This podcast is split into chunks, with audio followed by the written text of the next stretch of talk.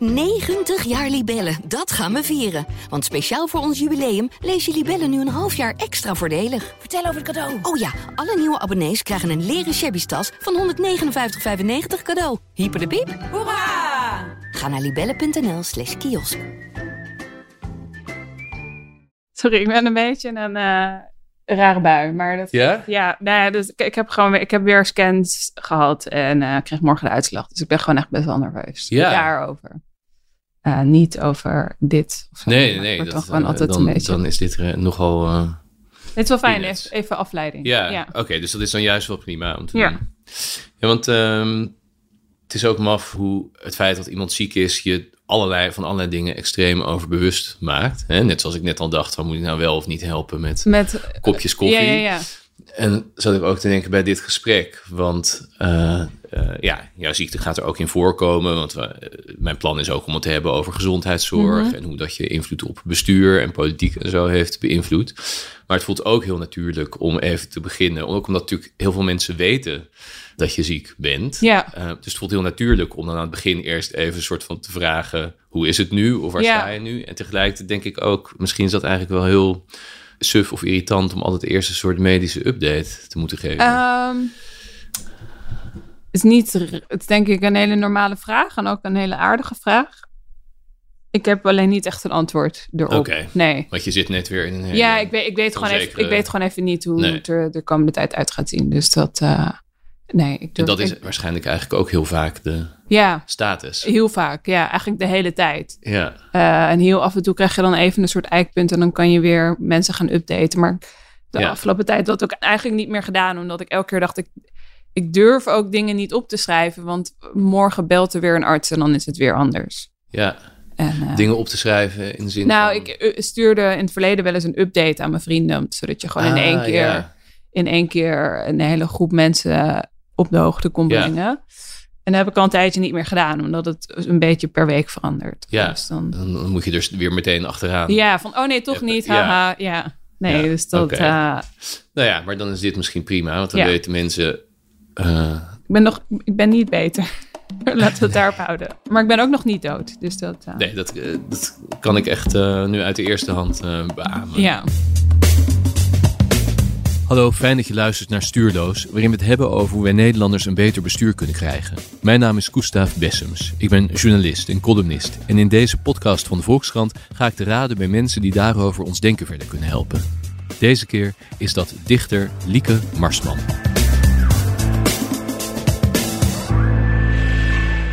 Lieke Marsman is net twee jaar dichter des Vaderlands geweest. Haar werk in die hoedanigheid is net als bundel verschenen onder de titel Ter gelegenheid van poëzie. En we gaan het hebben over de onbereikbaarheid van Mark Rutte, de taal die het bestuur spreekt en over de waarde van het leven.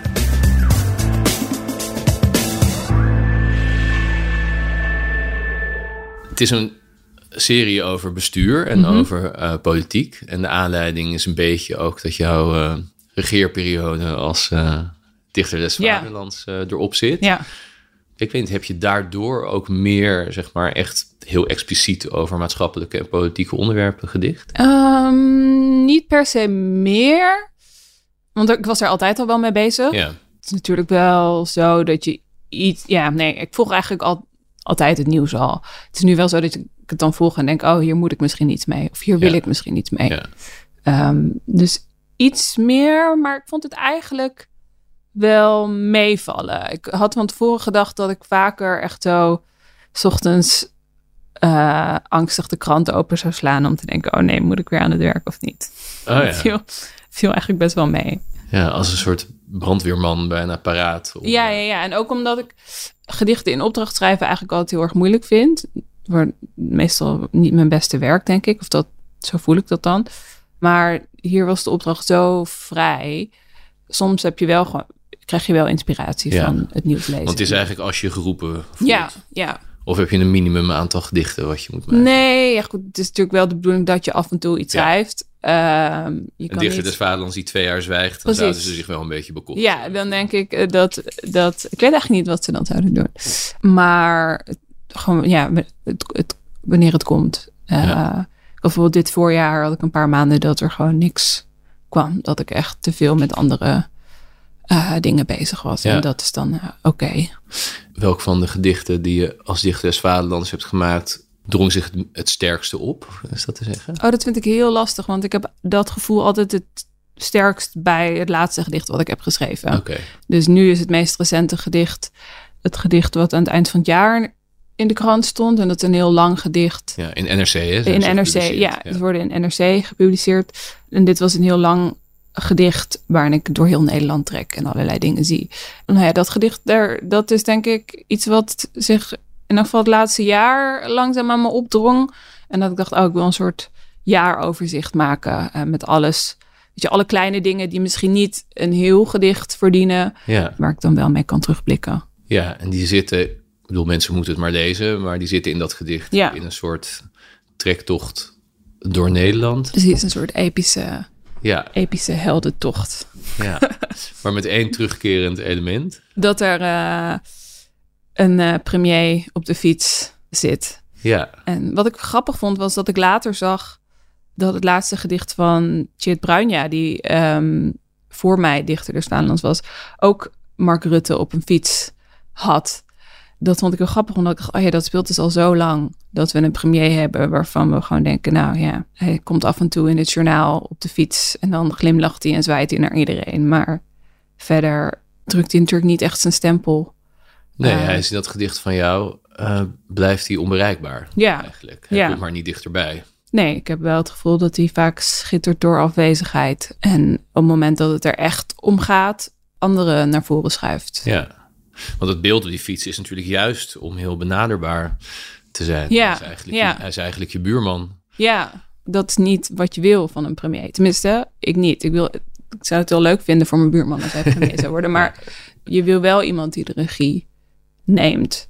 Zeker in, in woelige tijden. En dat zijn het. Dus Ja, zijn verweers altijd hè, van... ehm, zo zit het Nederlandse bestel niet in elkaar. De premier is eh, bij ons eh, niet echt eh, de baas van de andere ministers. Eh, hij had ook op een tijdje geleden had hij echt zo'n eh, bezwaar tegen het woord leider. Hè. Dan Ja, worden die bewijzen al ja. laarzen marcheren. Ja. Dus dat, ja, vind ik heel raar. Ik vind dat ook helemaal geen argument. Dit is niet hoe het in Nederland gaat. Ik denk, er gebeuren elke keer nieuwe dingen. Dus je, je kan ook zelf bedenken, oh, misschien in het verleden, weet je wel, Balkenende was misschien ook niet heel erg een leider. Maar zeker als je zo lang eh, de hoogste, de machtigste positie van een land hebt en daar dus eigenlijk zo weinig waarde aan hecht. hmm. Ik had ergens de afgelopen twee jaar ook de biografie van Mark Rutte gelezen. Van, Van Petra de Koning, Ja, van hè? Petra de Koning, ja. En daarin beschrijft zij ook heel, vond ik heel interessant, hoe, het er, hoe hij dus crisissen gewoon laat uitrazen eigenlijk. En op zich is dat best een goede strategie, denk ik. Ik denk dat je dat best een paar keer kan doen. Maar hij heeft volgens mij gewoon als, als idee van ik wil gewoon zo lang mogelijk aan de macht blijven. Wat ik ook alweer een heel raar idee vind voor iemand die er zogenaamd geen waarde aan hecht. ja. Maar goed, hij wil heel, zo lang mogelijk aan, aan de macht blijven. En ja, dat kan door er maar voor te zorgen dat crisis niet echt aan jou blijven plakken. Maar aan alle mensen onder je, die je dan weer de laan uit kan laten sturen. ja, de tijd zijn werk laten doen. Ja, de ja precies. Zij beschrijft dat heel mooi. Hoe, hoe, hoe hij inderdaad altijd in die modus gaat als er een crisis uitbreekt. En wanneer heb je gemist dat hij naar voren stapte? Nou ja, de coronacrisis leek me echt een uitstekend moment voor de leider van een land om de regie te nemen en om te zeggen: dit gaan we doen. En alle mensen die, doordat we dit doen, buiten de boot dreigen te vallen, die houden we binnen de boot. En dat gaan we op deze manier en op deze manier aanpakken. En in plaats daarvan heeft hij heel duidelijk de minister van Volksgezondheid naar voren geschoven. Wat op zich logisch is, want er zit natuurlijk, het was een gezondheidscrisis, maar het was ook heel duidelijk een maatschappelijke crisis. En eh, het feit dat de volksgezondheid in gevaar kwam, eh, zorgde ervoor dat allerlei, echt alle sectoren, eh, weet je er was niemand die niets gemerkt heeft van de coronacrisis. Dus dat was ook heel duidelijk een moment, denk ik, voor een premier om naar voren te stappen. En dan kun je zeggen, ja, maar hij deed toch elke eh, om de week mee aan die persconferenties. Maar er was niet een, een duidelijk plan.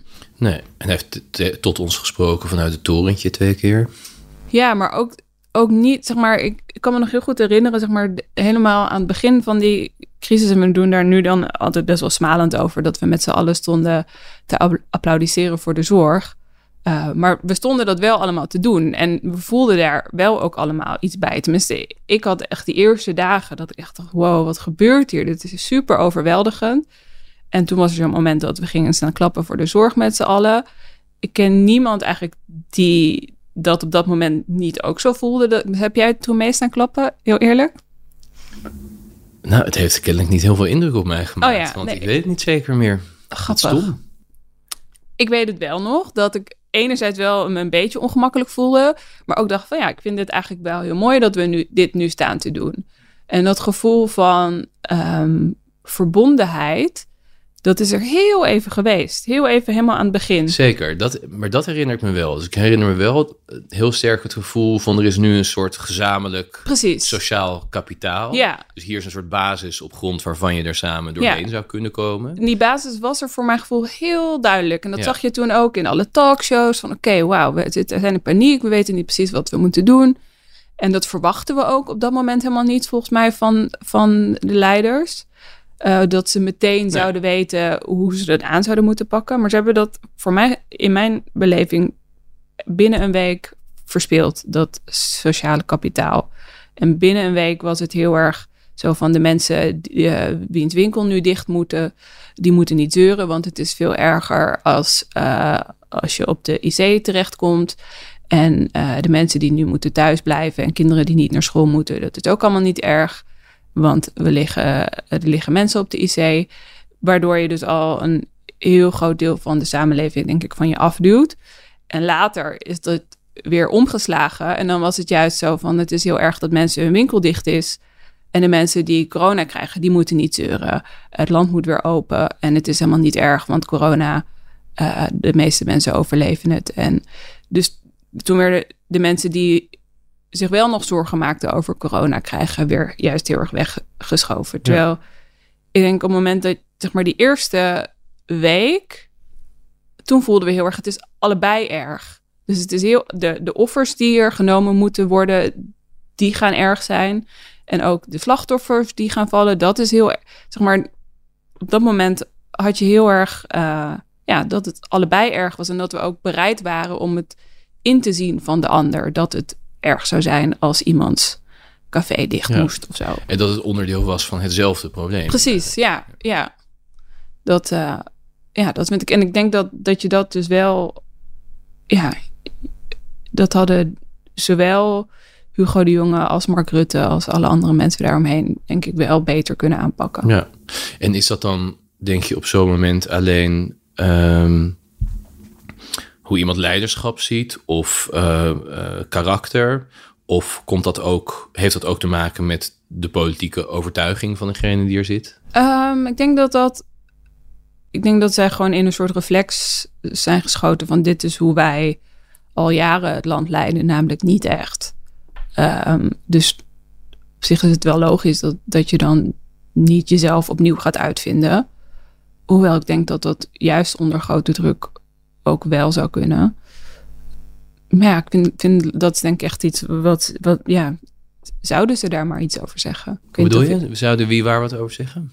Nou, zo'n vraag van waarom, waarom heb je dat toen zo gedaan? En dan, ja. en dan heb ik het niet over specifieke keuzes, want iedereen maakt in zo'n functie, denk ik, fouten en ook wel grote fouten.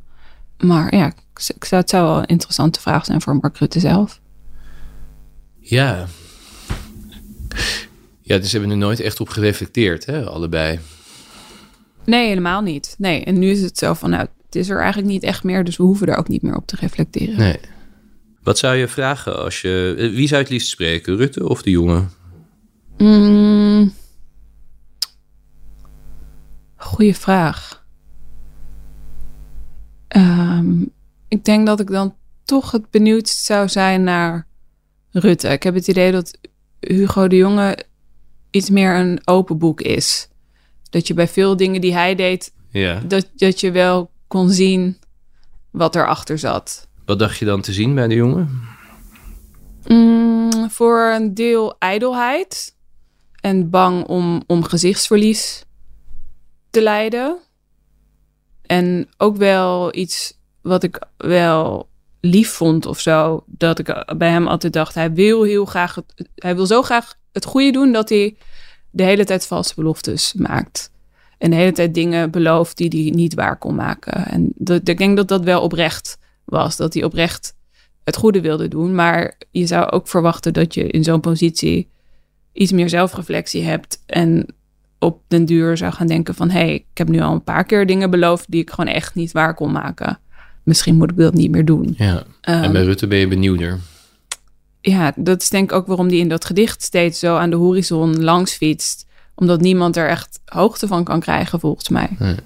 En wat zou je vragen dan? Om er hoogte van te krijgen? Ehm, nou ja, ik zou denk ik allereerst willen weten hoe dat ging in die dagen. Gewoon de dagelijkse routines. En dan krijg je waarschijnlijk een heel eh, standaard riedeltje van... 's ochtends sta ik om zo laat op, bla bla bla bla. En daar zou je dan op willen doorvragen. En ook inderdaad waarom die niet zich wat meer heeft opgeworpen... als degene die een plan ging maken voor, voor ja, eh, en waarom? Ja, het voelde heel, de hele tijd alsof er heel erg ad hoc werd gereageerd. En dat is denk ik niet zozeer te wijten aan, aan Rutte of de jongen, maar ook heel erg aan de mensen van de RIVM en, en zo. Dat- Dat er gewoon de hele tijd niet echt vooruit werd gedacht. Nee. nee, terwijl het uiteindelijk heel lang heeft geduurd. Ja, ik had de hele tijd het idee van waarom liggen er niet gewoon voortdurend vijf verschillende scenario's klaar? Ja. Misschien is dat heel veel om te vragen. Eh, weet je, terwijl ik het zeg, denk ik ook van kun je dat verwachten? Maar ik denk van zo'n groot instituut als het RIVM, denk, ja, eigenlijk wel.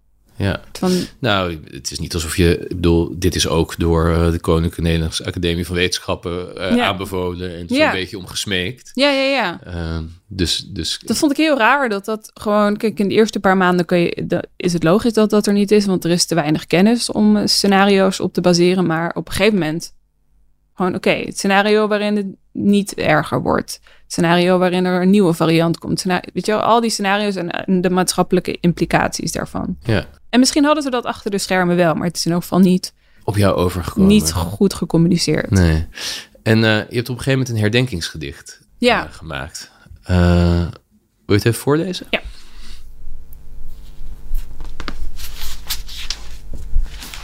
Herdenking. Een sneeuwstorm valt altijd in het niet bij de gedachte aan een sneeuwstorm. Ja, koud, ja, wind, maar niet de tijdloze ervaring van een blinde wereld, niet het stilzetten van de maalstroom, geen stormoog vol spierwitte gratie. Toen stond opeens de zomer voor de deur. De eerste hitte zonder jou. Rauw bleek een schokkerige achtervolgingsscène in een duistere steeg op een stralende dag. Hoe hier opeens in het donker, in de zon, waar ik je eindeloos misloop. In het midden van een menigte die de huid afwerpt om verder te zwermen, krijg ik je terug. Eerst in flitsen, dan gedachten aan jou zo compleet als een reizig recept. Dwarrelen lang genoeg om weer eens af te dwalen, als in de periferie van een sneeuwstorm die iets goeds verwoestte. Ik kom er niet uit. Je valt nooit in het niet. Waarom had je deze gemaakt? Ehm, dat was in de zomer van 2021. Ja, zo rond juni toen eh, alles weer open ging en, en net zeg maar de allerergste coronagolf achter de rug was.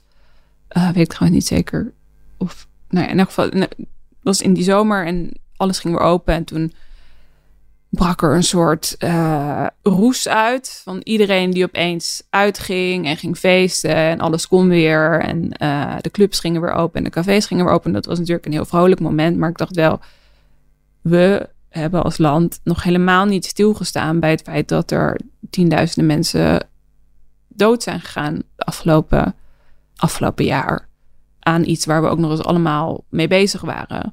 En daar was op dat moment vanuit de politiek eigenlijk nog helemaal niet bij stilgestaan. Dat vond ik heel raar. Dus ik dacht, ik kan me heel goed voorstellen dat als je net je vader of je moeder of je geliefde hebt verloren en je ziet nu iedereen dansend de straat op gaan, dat je dan denkt van nou, ik had best wel even een eh, moment gewild Ja.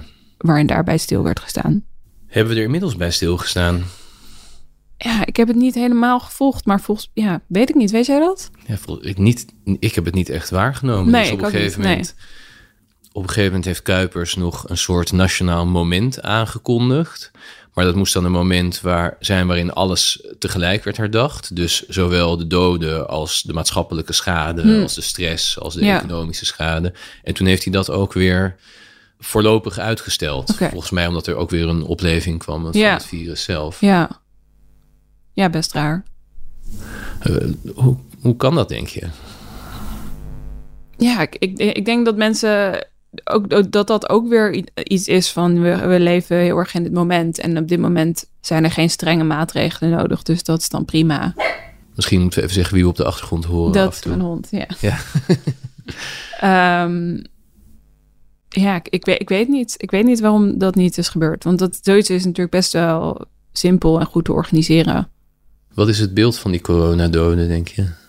Ja, ik denk dat uiteindelijk toch het beeld blijft hangen van dat, dat het gezien wordt als nevenschade. Als iets wat ook zeg maar, aan de rand van een maatschappelijke crisis heeft plaatsgevonden. Terwijl dat zijn natuurlijk allemaal mensen. En allemaal mensen van wie andere mensen hielden. En kijk, er gaan natuurlijk altijd mensen dood. Maar dit, dit was echt door een. Ja, het wa- het was best heftig. Eh, Ja, ik twijfel ook ja. soms. Soms denk ik van, hè, er wordt natuurlijk vaak benadrukt dat mensen relatief vaak al oud waren of relatief vaak al andere Ja, dingen onder de leden hadden. En toch, als je vervolgens weer kijkt wat dat relatief oud dan betekent, valt het wel mee. ja, valt het ook wel weer mee. Soms denk ik, is het misschien gewoon juist te groot om bij stil te staan. ja. Ik las ook ergens dat bijvoorbeeld de eerste jaren na de Spaanse griep, dat daar ook helemaal geen cultuuruitingen over Hmm. zijn gemaakt. Dus geen kunst, geen toneelstukken, weinig geschreven. Hmm. Ja, dus soms denk ik, misschien is er eerst een soort fase van Ja, verdringing of het snel achter je willen laten. Of kan je alleen je eigen. Hè, de, de meeste mensen hebben natuurlijk een andere ervaring. Dus Ja. een minderheid heeft iemand verloren. Voor de meerderheid was de indringende ervaring, de sluiting en dat soort dingen. Ja, maar dat was ook echt wel een indringende ervaring. Zeker. En het feit dat je op een gegeven moment eh, niet meer s'avonds de straat op mocht en zo, dat is best, best wel heftig. Ik heb me daar ook, ook over verbaasd. Dat staat ook, of nee, niet in dat boek van Petra de Koning, maar in het boek Code Rood Oh ja. eh, van... ehm, ja Peter Kees, een van de auteurs. En de andere ontschiet mij even. ja, mij maar ook. Oh, hier, hier, Thijs, Broer en Peter V. Thijs Boer en Peter K. Ehm, die hebben een boek geschreven over hoe het er achter de schermen aan toe ging het eerste jaar eh, van de crisis. En dat vond ik heel interessant dat op een gegeven moment er weer beschreven werd dat er, nou, er was weer een golf en eh, er moesten weer maatregelen genomen worden. En er waren al best wel wat maatregelen genomen. En toen wilden Hugo de Jonge en Mark Rutte heel graag een avondklok.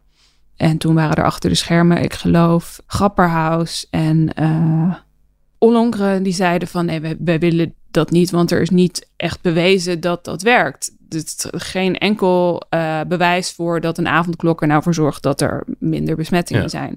En toen is dat er toch doorgedrukt, eh, omdat Mark Rutte en Hugo de Jonge geen gezichtsverlies wilden leiden. eh, en die wil, eh, wilden gewoon graag een signaal afgeven van wij, wij vinden dat er nog meer maatregelen ja, moeten we zijn. doen iets krachtigs. Ja, we doen iets krachtigs.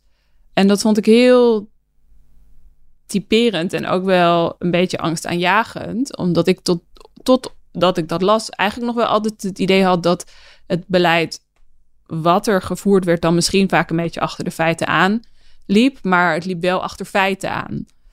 En toen ik dat las, dacht ik, oh, hè, maar eh, de feiten speelden dus eigenlijk ook al geen rol. Het was echt allemaal alleen maar beeldvorming Ja. waar we naar keken. Terwijl een avondklok instellen, dat is nogal wat. En ik snap ook echt best wel goed dat er toen mensen zijn afgehaakt en die zeiden van ja, weet je, als we dit soort dingen gaan doen, fuck you, dan eh, sluit ik me aan bij een actiegroep en dan ga ik eh, demonstreren op het Museumplein elke zaterdagochtend. Dat snap ik eigenlijk echt heel goed. Ja. Ik had het er toevallig van de week nog over met mijn vriendin dat ze zei, weet je nog, dat wij op een gegeven moment ook bijna op het punt stonden eh, om mee te gaan lopen met die coronademonstraties, omdat het er best wel leuk uitzag eigenlijk. Dat was op een gegeven moment de enige plek nog ehm, waar je mensen lol zag hebben. En dat waren dan mensen waar wij het helemaal niet mee eens waren. Maar ze hadden wel elke zaterdagochtend best wel een leuke tijd. Want we zagen die dan wel eens door de stad uh, marcheren. Er wordt vaak best wel smalend over die mensen gesproken. En voor een deel snap ik dat, want ik ben het helemaal niet, niet met ze eens. Maar ik snap het ook niet, want er is gewoon bewijs dat dat beleid helemaal niet op feiten berustte. Uh, en dat het inderdaad alleen maar beeldvorming was. Ja, dat, ook daar worden volgens mij veel te weinig vragen over gesteld. Ja, het beeld van die mensen die in die demonstraties liepen was dat ze daar natuurlijk heel vergaande conclusies aan verbonden over uh, complotten, ja. uh, bewuste vergiftiging met vaccinaties, ja. uh, de, hele, dat hele virus in twijfel mm trokken. Ja, maar dat was zo lastig, omdat, omdat je dus zo'n extreme groep had, die dus inderdaad best wel ver gingen, gewoon extreem ver gingen in mhm. alles wat ze geloofden en wat ook aantoonbaar allemaal onzin was, werd iedere kritiek die je probeerde te uiten, werd op die hoop gegooid van, oh, ben jij er zo één? Ja. Terwijl, begrijp niet veert, ik, ik vind het feit dat er, dat er al vrij snel vaccins op de markt kwamen, vind ik fantastisch. Uh, en ik ben helemaal voor vaccineren, maar dat er in een wereldwijde gezondheidscrisis door bedrijven miljarden is verdiend aan die vaccins, dat vind ik wel heel zorgwekkend. Ja. Um, en dat schuurt wel heel erg. En in die zin heb ik heel veel kritiek op die hele praktijk van het vaccineren. Hoewel ik de wetenschap eronder wel onderschrijf. Ja.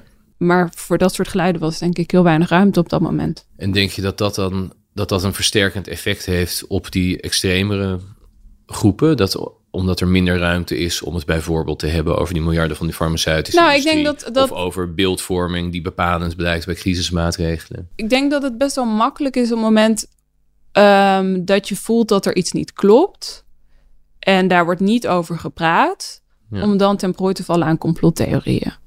Dat denk ik. Want dat merk ik bij mezelf soms al bijna. Dat ik denk, oké, maar dit klopt echt niet. Wat er nu gebeurt. En dan ga je erover lezen. En voordat je het weet zit je op een website waar de grootste onzin wordt verkondigd. Maar omdat we het niet openlijk hebben gehad over het feit dat het waanzin is wat er gebeurde met die vaccins, maar ook met al die andere medische hulpmiddelen. Überhaupt in de zorg gebeuren best wel veel waanzinnige dingen is het heel makkelijk uh, om ten prooi te vallen aan dat soort complottheorieën. En dat merk ik zelf al soms bijna, dat, dat er gewoon best wel veel misgaat in de gezondheidszorg. Het is heel makkelijk om te zeggen, weet je wat, dan laat maar. Dan ga ik wel naar een of andere chakra healer. Uh, En ik denk echt dat het feit dat er zoveel uh, mensen in complotten zijn gaan geloven, dat is deels die mensen aan te schrijven, maar ook echt wel deels de mensen aan te schrijven die het, het, van het, het mainstream narratief bepaalden. Wat zijn de belangrijkste dingen die jij hebt gemerkt aan, aan de zorg, waardoor je dat gevoel kreeg? Ik ga wel naar een chakra healer. Uh, ben je er geweest eigenlijk? Nee, nog niet. Maar ik, ik, ik, ik, wil alles proberen. Dus weet je wel, ik, ik doe alles. Um, nou ja, ik, ik heb natuurlijk maar zicht op een heel klein eilandje van de zorg. Namelijk de zorg die betrekking heeft op mijn eigen situatie en mijn ziekte. En ik heb een zeldzame vorm van kanker. En kraakbeen, kraakbeenkanker, toch? Ja. ja. Een van de dingen die mij is opgevallen is dat het onderzoek daarnaar eigenlijk, nou, er is heel weinig onderzoek. En het onderzoek wat er is, dat bereikt bijna nooit uh, de markt. Simpelweg omdat de markt heel klein is. En er zijn maar heel weinig mensen wereldwijd uh, die deze vorm van kanker hebben. Dus is het voor bedrijven niet interessant uh, om hier onderzoek naar te doen. Dus eigenlijk de overlevingskans van mensen met mijn kanker is sinds de jaren tachtig. Nou, misschien met een paar procent toegenomen, omdat er nu eenmaal over het algemeen minder mensen op de operatietafel uh, sterven. Maar al die. Maar niet doordat er. Nee, al die nieuwe. is veranderd. Al die nieuwe technieken waar uh, altijd in de krant Hosanna over wordt geroepen. Dat zijpelt gewoon niet door. En enerzijds is dat denk ik heel goed. Er worden hele hoge eisen gesteld aan nieuwe medicijnen. Um, voordat die op de markt mogen, tot de markt mogen toetreden, moet je een heel traject van medische trials doorlopen. Dus je begint met de fase 1 trial. Dat is dan een soort van de dose escalation fase heet. Dat we gaan gewoon kijken van oké, als we dit middel geven aan mensen, vallen ze dan dood niet, Mm. of niet?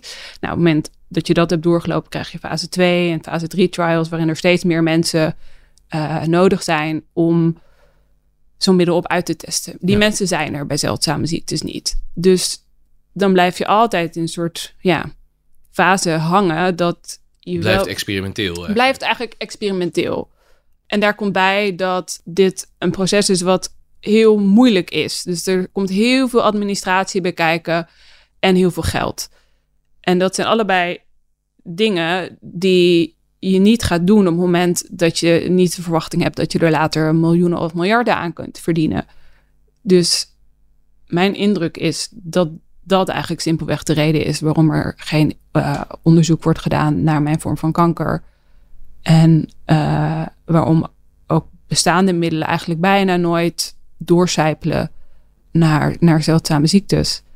En dat vind ik best wel schrijnend, want er is wel, zeg maar, er wordt wel veel eh, in een laboratorium en, en, en zeg maar in kleinere settings die minder geld kosten, wel worden best wel interessante dingen eh, ontdekt vaak, Ja, waarvan Want artsen je dan... bent je er allemaal heel erg in gaan verdiepen. Ja, heel erg, ja. Ja. Eh, omdat, ja,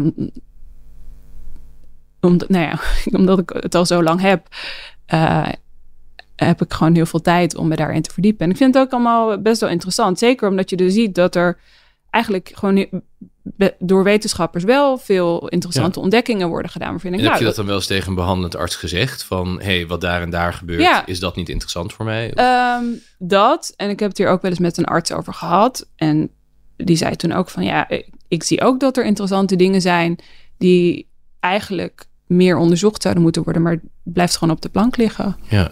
Maar welke conclusie zou hieruit moeten worden getrokken als de markt dit dus niet Ehm, interessant vindt? En, eh, dat je het moet weghalen bij de markt. Zeg maar, de markt heeft echt wel zijn kansen gehad om eh, ook voor zeldzame ziektes iets te doen. En dat gebeurt gewoon niet.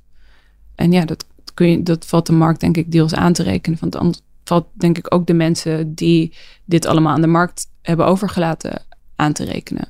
Dus je zou dat gewoon weg moeten halen eh, bij die markt. En dan dus meer geld als staat moeten stoppen in, in, in research en development eh, van nieuwe medicijnen. Want er blijft ook gewoon heel veel interessante kennis op deze manier liggen. Zeg maar zoals het feit dat soms ontdekkingen die eh, gedaan worden, bijvoorbeeld voor borstkanker, opeens interessant zijn voor mensen met een zeldzamere vorm van kanker. Is het andersom waarschijnlijk ook zo? precies, als je er heel beperkt naar kijkt, van ja. Ja. het gaat waarschijnlijk toch maar voor heel weinig mensen relevant Nee. zijn. Eh, maar dat is niet, ook niet van tevoren te zeggen. Eh, Nee, dat weet je, dat weet je niet. Maar Plus, wat vind je eigenlijk van dat argument? Het gaat maar voor weinig mensen relevant zijn. Of het, is, het zijn met hele zeldzame dingen. Want dat speelt natuurlijk met meer dingen. Ja. Van moeten er medicijnen worden vergoed voor hele zeldzame ziektes? Als die heel nou ja, duur het is, zijn. denk, het is denk ik ook vooral heel erg dom. Want wat je, eh, er is de hele tijd een discussie over dat de zorg steeds duurder wordt. En ook over dat er allerlei medicijnen op de markt zijn waarvan het maar twijfelachtig is of ze nou echt heel erg iets toevoegen. Ja. En die dan vaak wel heel erg duur zijn. Denk ik, ja, de, de reden dat dat zo is, is omdat het altijd loont om voor een ziekte die veel voorkomt, toch weer net een klein beetje te tweaken en weer Ja. een nieuw pilletje op de markt te brengen. eh, waardoor je in één klap heel veel mensen op kosten kan jagen. Er zit een soort iPhone-mechanisme in Ja. de farmaceutische industrie. Dus dan, eh, volgens mij refereer jij daar ergens ook aan in een stuk. eh, wij hebben dat ook in de krant gehad. Dat eh, medicijnen dan een kleine make-over krijgen. En dan voor een hogere prijs eigenlijk weer op de markt worden gebracht. En Ja, dan juist, dat, voor, ja. en dan juist bij hele veel gebruikte medicijnen. Ja, dat levert gewoon het meeste op. Ja. En dat is denk ik ook waarom de zorg zo duur is geworden. Eh, en dan vind ik die hele discussie ook heel kwalijk dat je dan nu discussies krijgt. En ik merk dat we een soort van maatschappijbreed al een klein beetje erop voorbereid worden dat we eh, er maar vanuit moeten gaan dat heel veel behandelingen binnen niet al te lange tijd niet meer vergoed worden. En eh, dat iemand van 75 maar niet moet verwachten dat hij nog een nieuwe heup kan krijgen. Ja. Uh, en ook dat mensen met zeldzame ziektes maar moet, niet moeten verwachten dat ze dat soort dure medicijnen kunnen krijgen. Terwijl ik denk, ho, ho, ho.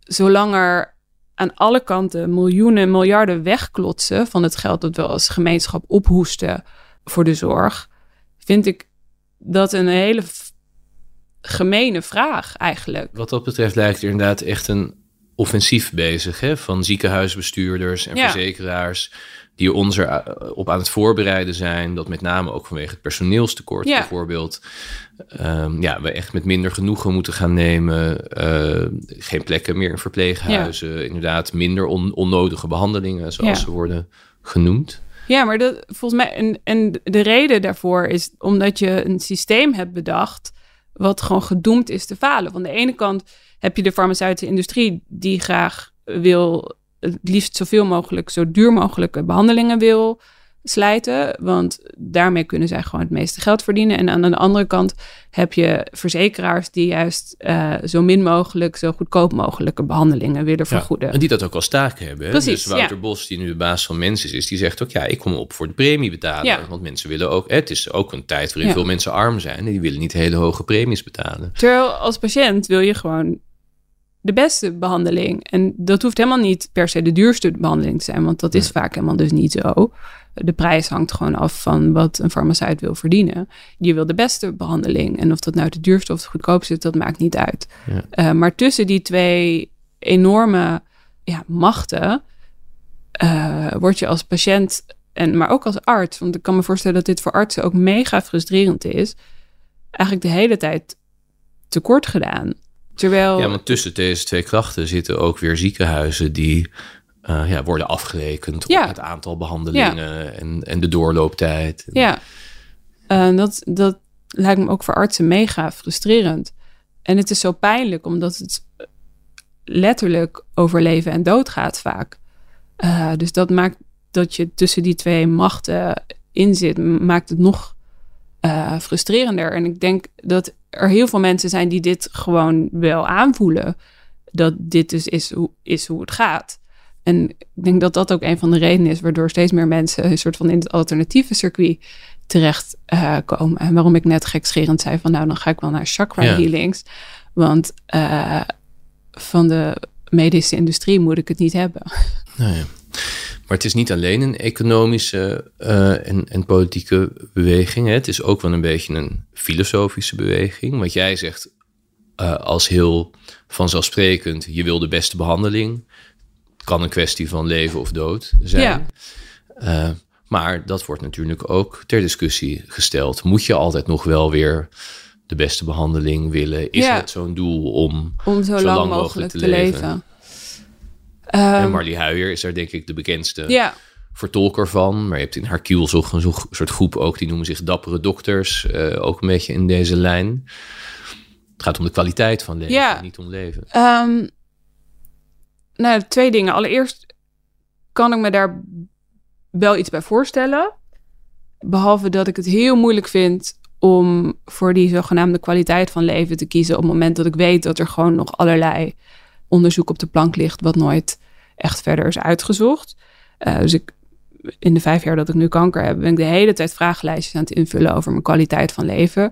Maar ik denk, ik wil vragenlijsten invullen over, of ik wil gewoon hard wetenschappelijk onderzoek naar mijn vorm van kanker. Ik heb helemaal geen zin om weer te gaan zeggen hoe mijn kwaliteit van leven al dan niet veranderd is naar aanleiding van een operatie. Ga er maar vanuit dat een operatie impact heeft op iemands Ja. leven. En dat diegene wel een manier vindt om, daar, om dat een plaats te geven. Dus dat, dat vind ik allereerst al, al heel vreemd. Tegelijkertijd denk ik dat dat ook weer gestoeld is op het feit dat het dat dat dus uiteindelijk het meeste geld oplevert. Het is altijd wel weer met een paar pilletjes of een pleister hier of daar eh, iemands kwaliteit van leven te beïnvloeden. Dus ik denk dat daar ook deels een soort financiële prikkel Want achter grote zit. omzet van pijnstillers of andere verlichtende Precies, middelen. dat, dat, dat levert gewoon heel veel geld op. Terwijl onderzoek waarvan iemand misschien beter wordt of preventie, eh, waardoor mensen niet eens meer ziek worden, eh, dat levert gewoon geen geld op. Dus dat is het eerste wat ik daar. Je wilt in elk geval wil je dit eigenlijk gewoon zeker weten, toch? Dus Ja. je wilt zeker weten dat de prikkel om jou al dan niet te behandelen niet is... er wordt meer of minder aan verdiend. Ja. Alleen al de twijfel daarover lijkt me...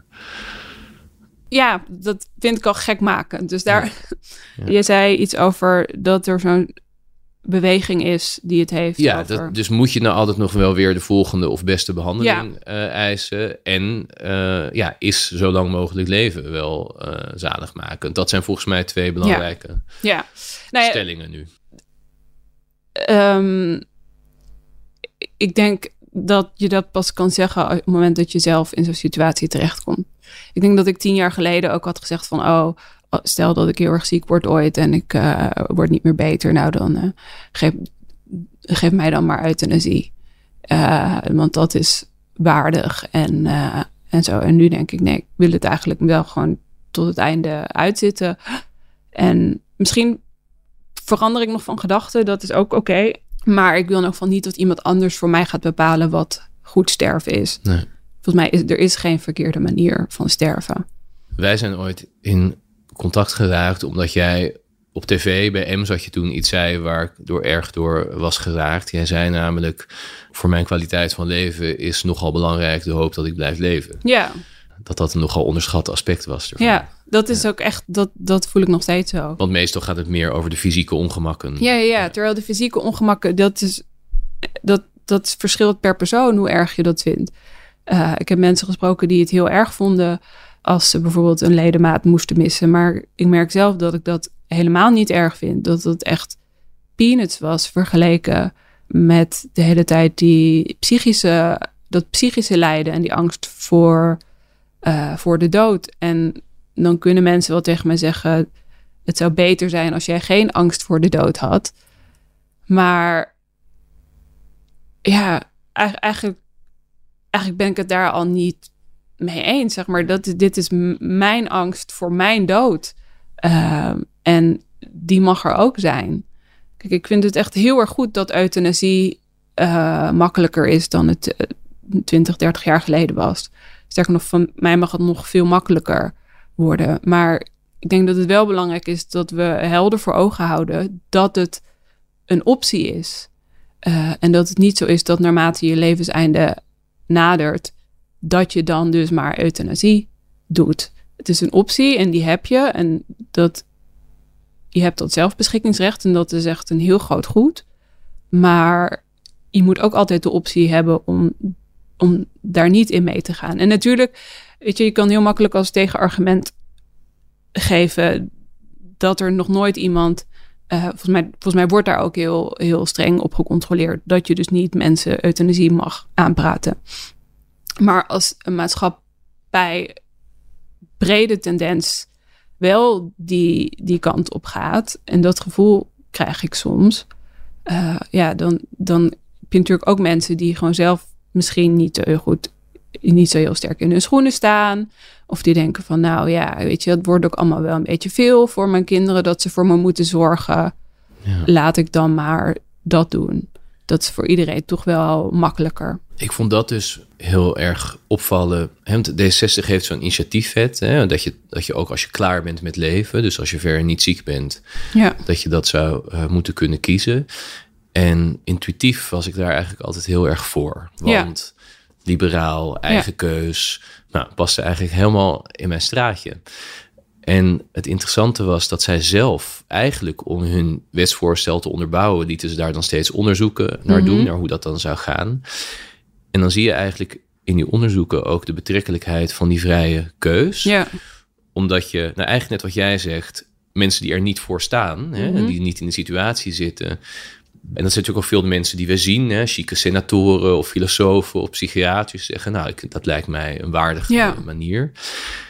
En dan wordt er onderzoek gedaan naar de mensen die zo'n doodswens echt hebben. En dan blijkt dat ze relatief heel vaak arm zijn. Dat ze het gevoel hebben dat ze anderen tot last zijn. Ja. Eh, en dat ze dat eigenlijk willen. Dat er allerlei andere omstandigheden zijn in hun leven die ze met die dood proberen op te lossen. Dat heeft mij wel echt van gedachten doen veranderen. Ja. daarover. Ja, we hebben het hier eerder over gehad. En jij noemde toen deze onderzoeken. En ook- ik schrok daar best wel van. Dat, is- dat is me altijd bijgebleven. Ja. Dat ik dacht, dan dat, dat, omdat ik zoiets intuïtief wel aanvoelde. Maar dat dat dus ook inderdaad onderzocht is. En zo blijkt. Vind ik heel, ja. Eh, ik geloof dat Marley Huijer, ik denk ook in de Volkskrant, ook had over goed sterven. Ja. Eh, dacht ja, dat is haar. Zij zegt we moeten dat leren om Ja. goed te sterven. Ja, maar volgens mij het allereerste wat je dan moet leren als samenleving is dat er is. Wat is slecht sterven? Wat is dat nou? Moet je ook nog. Weet je, het is al heel erg heftig als je doodgaat. Moet je dat ook nog goed doen? Is er een soort afvinklijstje? Eh, je moet eerst een bucketlist afwerken. Daarna moet je eh, pijn, zoveel pijnstilling nemen dat je niks meer voelt. Daarna moet je afscheid nemen. Je moet je financiële zaken op orde hebben. Dat, een soort van, hè? Wa- Wat, wat, Ja. Nee, er is geen slecht sterven. Ik denk dat dat, dat het eerste wat ik geleerd heb eigenlijk. Ja. Het mag ook in een puinzooi Ja, tot het laatst tegen spartelend. Precies, schreeuwend, Lelijk. schreeuwend van de pijn of van de angst. En eh, met iedereen die huilend eh, gek wordt. Dat is, dus dat, ook dat is sterven. En Ja. dat is niet, weet je, hoe erg is het ook als nabestaanden nadat iemand dood is gegaan, ook nog het gevoel hebben van, oh, nou, dit is echt helemaal niet goed gegaan. Nee. Ja. Eh, terwijl, de, ja, dat, als je dan de dood soort van weer wat meer in het leven wil, eh, bij het leven wil laten horen, dan is dat denk ik het eerste eh, wat je moet ja, doen. want dat deel van, van hun... Want dat zeggen zij natuurlijk ook. En dat deel kan je eigenlijk onderschrijven. Dat het, dat het wel... Dat we misschien wat minder afstand toe moeten hebben. Of, of dat ook niet echt. Hè? Dus me- wat je zegt wel, het moet Ja. meer deel van het leven zijn. Nou ja, daar kan ik me best iets bij voorstellen dat dat wenselijk zou kunnen zijn. Hoewel ik het dus ook, zeg maar, het is ook oké als je dat niet wil. Ja. Dat, de, zeg maar, waarom... ook best een taboe op. Ja, of het taboe. ehm, ja, is het meteen een taboe als je zegt ik wil, ik wil het er niet. Ja, ik, ik denk de reden. Nou, veel mensen willen Ja. er niet over praten, bijvoorbeeld. Ja, Die willen het onderwerp ja. vermijden. Ja. En dat, wat, dat wordt volgens mij in deze redenering als iets, als iets problematisch gezien. Ja. Want daar, hè, ook omdat je daardoor niet goed op voorbereidt, maar ook omdat ja, we te, te krampachtig mee omgaan. Ja, Niet meer aanvaarden dat dat erbij hoort. eh, het ons te veel eigenlijk Mhm. van ons stuk laten brengen. Ja. daardoor. nou ja, wel, ik moet misschien vooral voor mezelf spreken. Wat ik heel erg heb gemerkt de afgelopen jaren, was dat het beeld wat ik had van hoe ik met de dood zou moeten omgaan, niet strookte met de praktijk. Nee. Eh, dus ik denk dat ik ook een beetje mee was gegaan in dat narratief van oké, en dan ben je heel erg zen en dan, eh, kies, dan kies je daarvoor. Of weet je, en dan neem je heel waardig, waardig afscheid. En daardoor voelde mijn manier, namelijk totale paniek en het gewoon niet willen, voelde als onwaardig. Totdat ik dacht van, hè, maar waarom? Een soort van, nee, mijn manier is ook waardig. Ja. Dit is mijn manier. En ik wil het gewoon niet. En dat wil niet zeggen dat het daardoor niet gaat gebeuren, maar het is oké om dat niet te willen. Ehm, Dat is eigenlijk krankzinnig, hè? Dat je dus bij het in paniek raken over je ja, eigen dood ook nog een soort streng over jezelf Ja. denkt. Dit is niet, eh, dit is niet dit hoe voldoet het, niet aan dit de is standaard. niet, niet hoe, het, hoe het hoort. Eh, Dat wordt dan eigenlijk ook nog een soort prestatie Ja. eh, ding. ja, wat, dat, dat is best wel verdrietig. En ik wil dat andere mensen ook... ja, voorkomen dat andere mensen dat ook ervaren. Ja. zo. En Elke reactie daarop is... elke reactie is... En natuurlijk, het is wel goed, denk ik, om... Het is altijd goed om met mensen te praten over wat je, wat je meemaakt en hoe je dat ervaart. Eh, dus wat dat betreft ben ik het er wel mee eens dat het niet wenselijk is dat er een taboe op het onderwerp Ja. ligt. Ehm, maar ik denk niet dat je dat taboe de nek omdraait door er ook nog een normatieve kwestie van te maken waarin het goed of slecht kan zijn. Het tegenovergestelde misschien wel.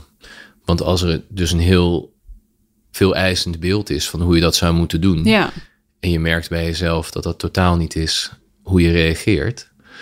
dan wordt misschien ook nog eens de drempel hoger om het met anderen te delen. Ja. Om, om bijvoorbeeld je paniek te delen. ja, Je zei in het begin van, nee, je bent altijd iemand geweest die heel eh, maatschappelijk en politiek geïnteresseerd is geweest. En die altijd veel heeft gevolgd. Ja, je hebt op een gegeven moment een stuk geschreven dat ging over het belang van taal en geesteswetenschappen en cultuur. Nou, het, li- het ligt wel een beetje in het verlengde van, van eh, toen we eerder al spraken over Rutte en de jongen en de manier waarop zij in die crisis handelde. Maar het is wel breder. Dat jij vaak opwindt ook eh, over hoe politici en bestuurders Ja. zich uitdrukken. Ja. Hoe zij dingen formuleren. Terwijl je op het oog zou zeggen, nou, wat maakt dat nou uit? Zolang ze maar de goede dingen doen. Ja. Ehm, nou ja, en wat ik het idee krijg dat het, zeg maar, als je alleen nog gewoon naar de taal kijkt, nog even los van eh, wat er precies gedaan wordt achter de schermen, dan heb ik het idee dat je luistert naar taal van mensen die totaal de controle kwijt zijn. En op het moment dat je gewoon eigenlijk niet meer weet wat je nou aan het doen bent, dan ga je vaak een soort verhullend taalgebruik gebruiken. Een beetje babbelen eigenlijk. En ik denk dat als mensen dit gesprek terugluisteren, dan zullen ze ook merken op welke momenten ik een beetje aan het babbelen ben. En eventjes niet zo goed weet wat ik moet zeggen. En momenten waarop je gewoon heel helder formuleert. En dan heb je vaak aan een paar zinnen genoeg. Ja. En de taal van politici is eigenlijk voortdurend dat gebabbel. Ehm, en dat soort van niet willen toegeven. Niet, ja, gewoon eigenlijk de taal van iemand die de controle kwijt is. Uh, dus dat vind ik heel zorgwekkend. Een soort permanente, niet voorbereide overhoring of zo. Of, uh, ja, precies. Ja. Heb je dus nooit, want je zegt het is eigenlijk alles van politici uh, heeft deze strekking. Heb je ooit wel eens dat je door taal van een politicus wordt geraakt of, de, of, of denkt, nou dat komt zeer deskundig over? Ja. Of... Oh, die momenten zullen er ook echt wel zijn. Maar ik zou, ik zou het eigenlijk even niet weten. Nee, want eigenlijk is dat natuurlijk bijna hun eerste instrument ja. uh, in het contact met ja, ons. Ja, ja, ja. misschien, er zijn soms misschien toespraken, uh, omdat de toespraak is natuurlijk een vorm waarin je geen overbodige dingen zegt over het algemeen. Hoewel dat eigenlijk bij politici in Nederland ook vaak wel weer wel het geval is. Dus, en ik snap het ook wel, want het is heel moeilijk om helder te formuleren. Dat merk ik zelf ook de hele dag door. Maar benoem dat dan maar en ga dan niet allerlei vage dingen. Het is gewoon de hele tijd vage shit. ja. Snap je? Om, en, en benoem dat dan maar. Ja. En, je, en hoe komt het? Je denkt dat het komt omdat ze eigenlijk niet weten wat ze aan het doen zijn. Ik denk dat er heel veel vraagstukken in Nederland zijn die zo complex zijn geworden. En waar, waarop actie zo lang is uitgesteld. Dat je er ook alleen nog maar in hele complexe termen over kan praten. En daardoor kwijtraakt wat nou de essentie wat was. voor vraagstukken dan bijvoorbeeld? Nou ja, uh, alle, al het gedoe bij de Belastingdienst, de toeslagenschandalen, maar ook de gezondheidszorg. Ja, wat, wat niet eigenlijk. Het stikstofdossier. Nou ja, er zijn zoveel verschillende dingen uh, waarop actie zo lang is uitgesteld. En elke keer komen er weer commissies bij en taskforces. En dan wordt er weer iets gepubliceerd. En dan moet iedereen daar weer over rapporteren en beoordelen.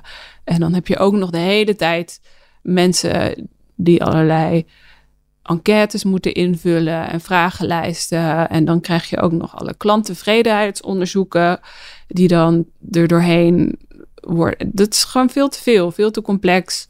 Um, en dan kan je daar ook alleen nog maar over praten op een manier die ook heel erg complex is. En die eigenlijk niet meer raakt aan de realiteit. Daar heb ik ook over geschreven.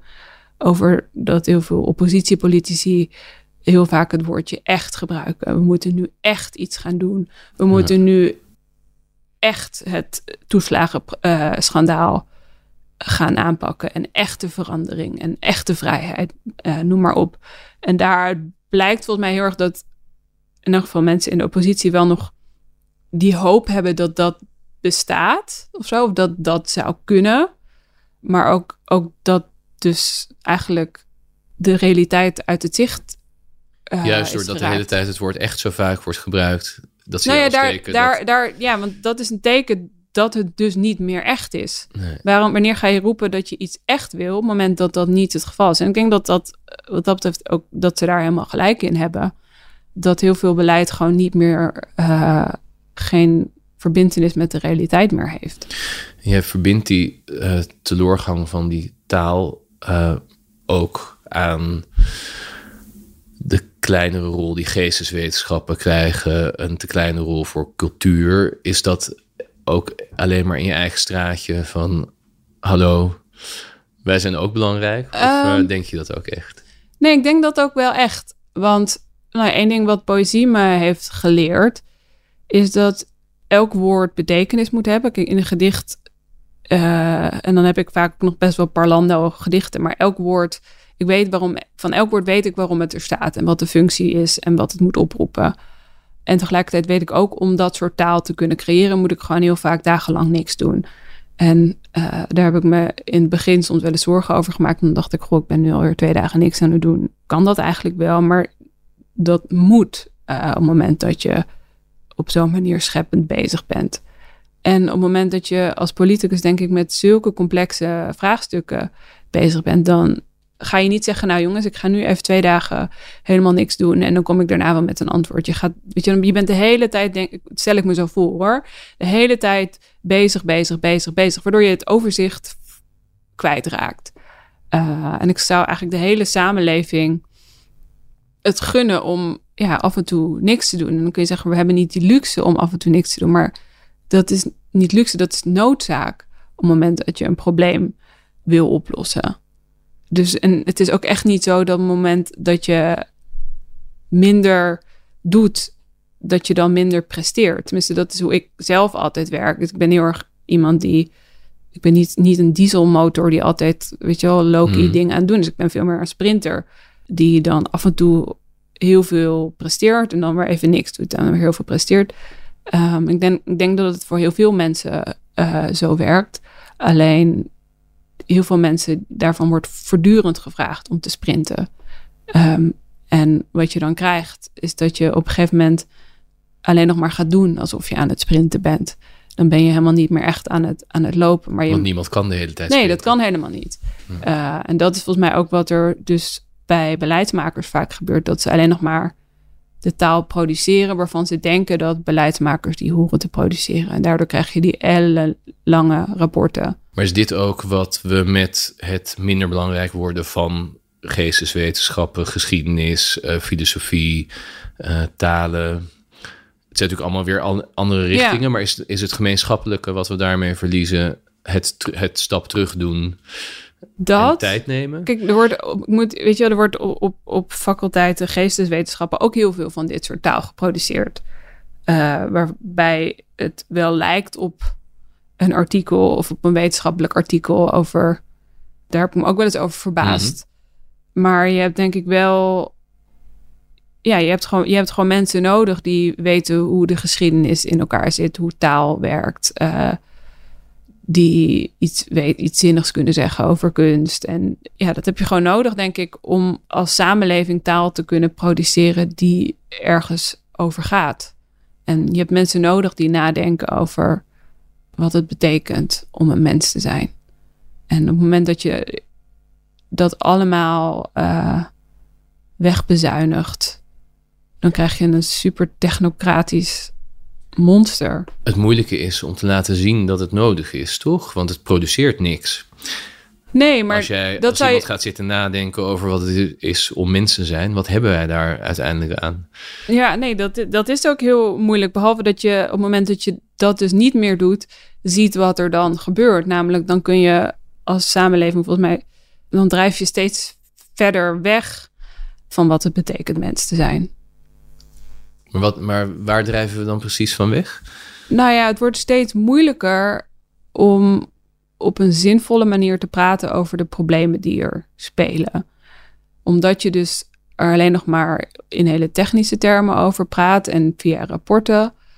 Dan dat gevoel heb ik heel sterk. Dat wat ik net al beschreef, dat, dat volgens mij politici zelf ook het overzicht kwijt zijn geraakt. Ja omdat er de hele tijd taal geproduceerd wordt uit een soort van paniekreactie van oké, we hebben een probleem, we moeten nu hier iets over zeggen, maar dat kunnen we eigenlijk niet, maar we maken een rapport uh, en daarin zeggen we dan eigenlijk niks. Maar we hebben wel een rapport, dus het lijkt alsof we ermee bezig zijn. Maar bedoel, we hebben natuurlijk heel, heel, heel het meeste over die zorg bijvoorbeeld gehad. Als je het daarop toepast, bedoel je dan bijvoorbeeld dat we het hadden over uh, de discussie die er nu is over zorgkosten en ja. die wordt gevoerd. Nee, ik bedoel eigenlijk vooral dat er gewoon heel veel ruis ontstaat de hele tijd. Ja. Kijk, waar het in de zorg echt om gaat, is over een patiënt die heeft een probleem. En dan heb je artsen en verpleegkundigen die gaan proberen dat probleem op te lossen. En dat doen ze aan de hand van wetenschap. Tot zover gaat alles helemaal goed. Ja, dat is de dat, kern. is, dat is de kern, dat is de essentie. En dat zijn de dingen waar het echt om gaat. Over het feit dat een verpleegkundige een naald in je arm steekt. En er komt dan iets uit of er gaat iets in. Dat zijn, dat zijn de concrete dingen en die zijn belangrijk. Uh, maar daaromheen is zo'n enorm monster gecreëerd van papierwerk. En dat is papierwerk voor die verpleegkundige, die gewoon de helft van de dag alleen maar bezig is met allemaal invullen. Ik heb een naald in iemand gestoken, daar ging iets in of daar ging iets uit. En dan heb je de verzekering, die moet dan gaan bepalen: oh, er is verpleegkundige, die heeft een naald in iemand gestoken, daar ging iets in of daar ging iets uit. Dat gaan wij vergoeden of dat gaan wij niet vergoeden. Uh, aan de andere kant heb je die farmaceutische industrie waar we het net over hadden. En dat dus een hele simpele handeling die enorme gevolgen heeft voor iemand, namelijk of iemand wel of geen antibiotica toegediend kreeg, ik noem maar iets, wordt een hele ingewikkelde handeling. En een handeling die super concreet in de realiteit geënt is, wordt een behandeling waar alleen nog maar abstracte taal over wordt geproduceerd ja. in, in rapporten. En dat is denk ik ook waarom mensen het heel vaak over een vertrouwenscrisis hebben. Omdat je dus, ja, iedereen wantrouwt elkaar. En op het moment dat je iemand wantrouwt, dan wil je dat iemand een mega dikke administratie bij gaat houden. En ja, dat is gewoon eigenlijk vooral gewoon heel verdrietig, denk ik. En hoe doorbreek je het wantrouwen? Door te zeggen, ik, ik, hoef, ik, hoef, geen, ik hoef het niet gedocumenteerd te zien.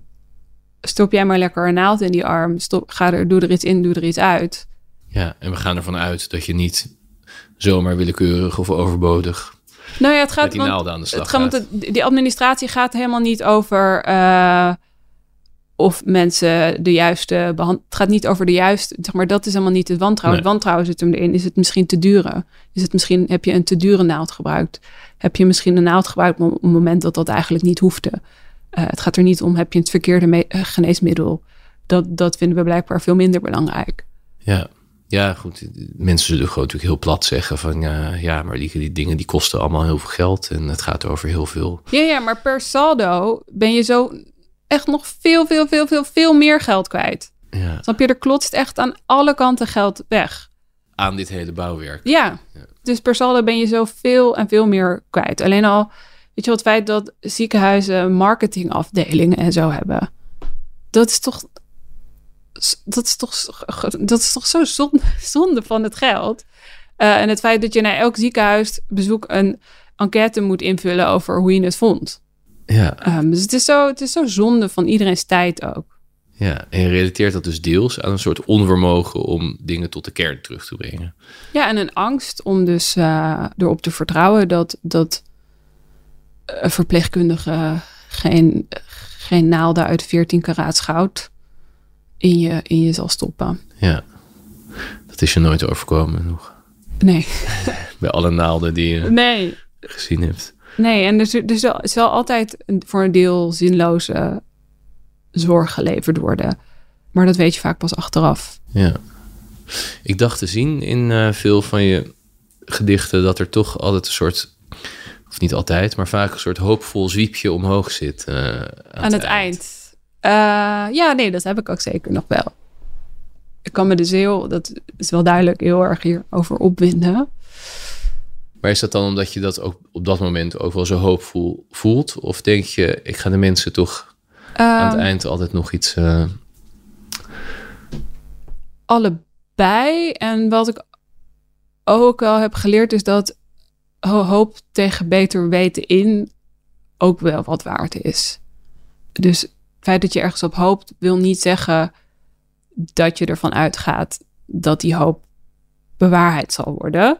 Um, het zegt vooral iets over um, nou ja, hoe belangrijk het is om hoop te hebben, gewoon voor een mens. Ja, de activiteit zelf, hoop Ja. hebben. Is, is gewoon iets wat heel belangrijk is. Ja. En ook iets wat heel fijn is. En wat je denk ik jezelf, zelfs in de allerbarste omstandigheden, eh, best mag toestaan.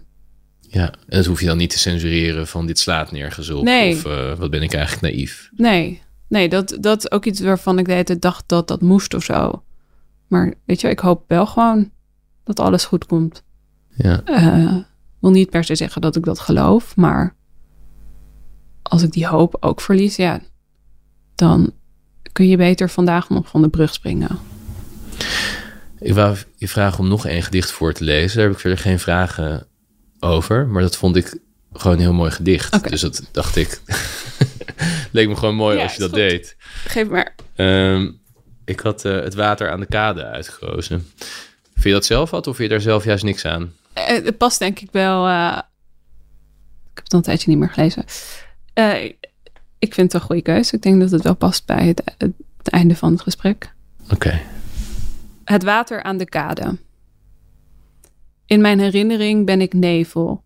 Slijt mijn dagen als een moerasmist die overal op halve dichtheid is. Niet een vrouw alleen aan het water, maar de afgemeten kade zelf ben ik. Het resultaat van de rotsen en hart. Hier altijd al geweest en ieder voorjaar aan gedacht door mensen mijlenver verwijderd. Weet je nog, jaren geleden, wij aan die kade, niet een vrouw alleen aan het water, maar een hele vriendengroep in de zon. Te koud om te zwemmen, dus we zwommen. Oké. Dankjewel dat ik eh, mocht langskomen. Ja, jij bedankt.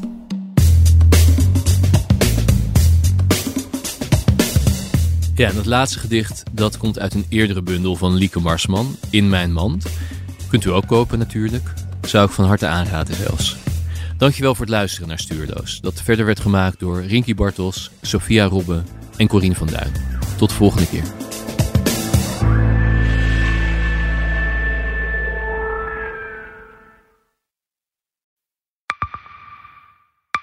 Zijn leven is overhoop gegooid.